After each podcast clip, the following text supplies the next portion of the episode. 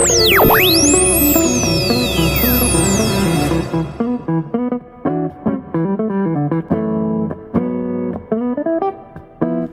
och välkomna till UFO-radion, eller UFO-podden som vi säkert kommer att kallas i folkmun. Och du lyssnar alltså till det första försöket här nu att göra en riktig UFO-radio i poddformat. Och vi som ska guida dig genom detta första testprogram är Tobias Lindgren och UFO Sveriges ordförande. Anders Berglund. I detta första program tänkte vi att vi skulle presentera på ett överskådligt sätt vad vi tänkt oss att bjuda på i UFO-podden framöver. Och vem är då bäst lämpad att göra UFO-radio om inte UFO Sverige? Kanske inte rent tekniskt eller produktionsmässigt, men vad det gäller engagemang och innehåll vill vi gärna slå ett slag. För bröstet. Ja, just det. Det är Just ju det. vi som har kunskapen om UFO-fenomen i Ja, Sverige. det är ju vi som har materialet. UFO Sverige har ju många år samlat material och eh, upplyst allmänheten om det här ämnet. Undersökt rapporter. Om vi även lägger till det här med AFU, Arkivet för det oförklarade eller Archives for the Unexplained som det numera heter. Ja, i Norrköping ligger det. Om vi lägger till det, då kan vi ju säga att vi förmodligen har den bästa grunden. Ja, till förståelse och för UFO-fenomen. Ja, UFO och UFO Sveriges syn på ufologi, det är det vi vill ta upp i det här programmet. Och naturligtvis ämnen i dess närhet. Ja. Så jag vill tillägga då att mitt eget lilla alldeles personliga skäl till att göra den här podden är att jag saknar en sån här podd.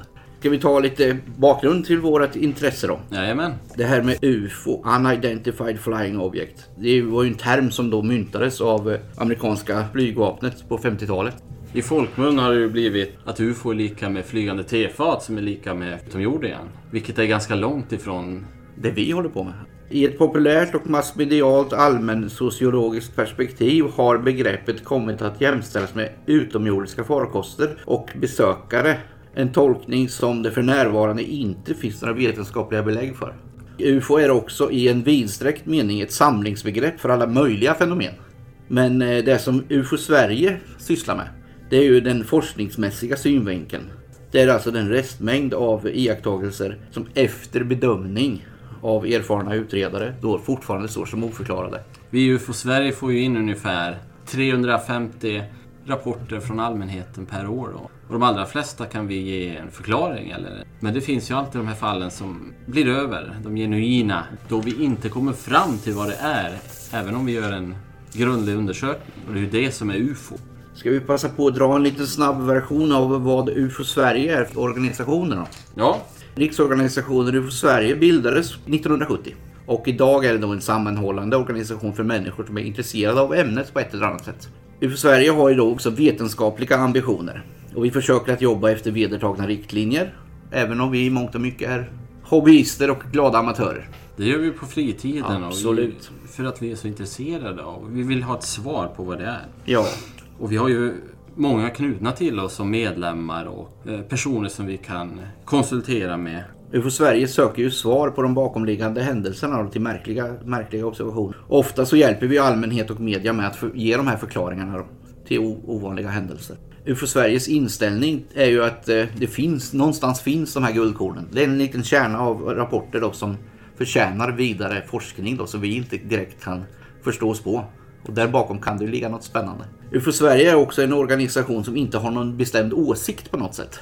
Vare sig vad det gäller fenomenet eller enskilda medlemmars uppfattning. Alla får tro precis vad man vill. Ja, vi, vi låter ju bevisen så att säga tala Ja, för sig själv. Vi låter absolut. dem leda oss i en riktning. Vi vill ju vara vetenskapliga och forskningsmässiga. Det ju- har man redan svaren från början då är det ju inte forskning man håller på med. Nej, då håller man på med någon religion eller Ja, något sånt ja. där istället. och det är ju det vi inte gör. Vi försöker lyfta på alla stenar för att hitta svar. Oavsett vad vi hittar. UFO Sverige har ju även eh, väletablerade kanaler med eh, mängd institutioner och samhällsfunktioner som vi har mycket ömsesidiga. Vi hjälper varandra så att säga. På Ja. alla möjliga sätt. Ja, vi har ju goda kontakter med både SMHI och Luftfartsverket. Och försvaret. Och försvaret. Vi får hjälp och de får hjälp. De är oftast jätteglada när vi kommer och hjälper dem. Och, Och de vet att vi gör ett bra jobb. ja, Så ja, hänvisar de till oss. naturligtvis. Sen har vi också väldigt bra samarbete med press och media. Ja, visst. som ofta visst. hör av sig till oss för Ja, att ja. Få, få svar på vad allmänheten där ute har sett. Ja.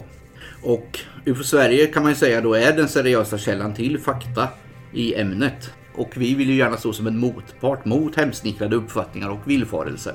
Så som ofta sprids i filmer och i media. Och, eh, allsköns märkligheter genom internet och framförallt Youtube då. Som man verkligen får se som underhållning och inte som någon källa till kunskap. Är- idag är det mycket som eh, finns på Youtube. Man kan titta på filmer och... Ja, men det är väldigt svårt att ta reda på vad det egentligen är. Ja, så den ska man verkligen ta med en nypa salt. Eh, UFO Sverige har representanter i princip hela Sverige. Men vi vill naturligtvis ha fler. ja, Hela Sverige. vi har både grupper och så kallade lokala representanter som finns utspridda i Sverige som vi kan ringa när vi får in en riktigt bra UFO. Det är alltid, alltid bra om man har lokal kännedom om sin egen trakt. Och det är det är bra när vi har folk utspridda i landet som snabbt kan åka ut och Absolut, undersöka. ja man vet ju inte om det, om det är något pågående som händer. UFO Sverige har ju också en rapportcentral som tar emot både per, per mail och per telefon hela tiden. Tar emot rapporter och registrerar och dokumenterar och då delar med sig av till våra undersökare. Och alla rapporter in, som vi får in gör vi en undersökning på. Vi får ju in väldigt mycket misstolkningsfenomen så det blir en mindre utredning av. Och hur gör man då för att, för att undersöka de här? När rapportcentralen har fått in en rapport då vill den skicka den till en av våra medarbetare. Jo, då skickar den den till en eh, fältundersökare. Och de här fältundersökarna går ju då den här årliga kursen som vi har varje år. På hösten brukar vi ha en, eh, en kurs i ufologi. Och där får man lära sig det mesta och sen då blir man diplomerad kan man säga. Fältundersökare i UFO Sveriges namn. Och då kan man åka ut och göra undersökningar. Vi har också en tidskrift som vi kallar för UFO Aktuellt. Den kommer ut fyra gånger per år. Välfyllt med material, svensk ufologi och även internationell. Ja, och det mesta är egenproducerat. Jajamän. Ja, så det är väl, väl investerade pengar att prenumerera på UFO Aktuellt. Vi har också en ny så kallad webbplats. Den måste ni titta in på. Där har vi adressen ufo.se. Ja, vad säger du Anders? Ska vi presentera oss lite mer själva? Ja, det tycker jag vi gör. Jag som sitter här och pratar heter då Tobias Lindgren och jag kan väl säga att jag är en jordnära allmänpraktiserande ufolog med en mängd järn i elden. Jag är ju intresserad av det mesta men tyvärr finns det bara 24 timmar om dygnet så man kan inte intressera sig för allt. Jag, för det första har jag ansvar för den här webbplatsen då, ufo.se. Jag gör gärna trycksaker, illustrationer, kartor. Har tidigare ansvarat för Rapportcentralen under flera år. Eller utreder UFO-rapporter ska jag säga. Fältundersökare. Gärna med bildmaterial. Och eh, många tycker att jag är någon sorts allmän bildanalytiker inom UFO Sverige här. Även om det är väldigt inofficiellt.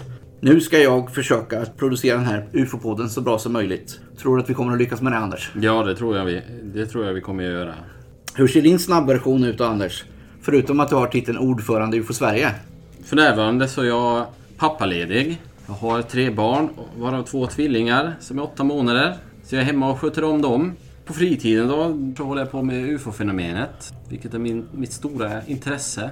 Försöka ta reda på vad det är. Det som fick mig intresserad en gång i tiden, det var att eh, jag läste mycket när jag var, man var mindre. Och eh, när jag gick runt i biblioteket där jag kommer ifrån, Älvdalen i norra Dalarna, så så råkade jag komma över eh, en hylla där med lite mystiska böcker. Mystik och ufo-fenomen och sånt där. Och så lånade jag hem en bok och så började jag läsa där och tänkte, men vilket, vad, vad intressant. Finns det här på, i riktigt? Har det hänt på, i verkligheten? Till slut så förstod jag till och med att det fanns en svensk organisation som höll på med ufo-ämnet, UFO Sverige.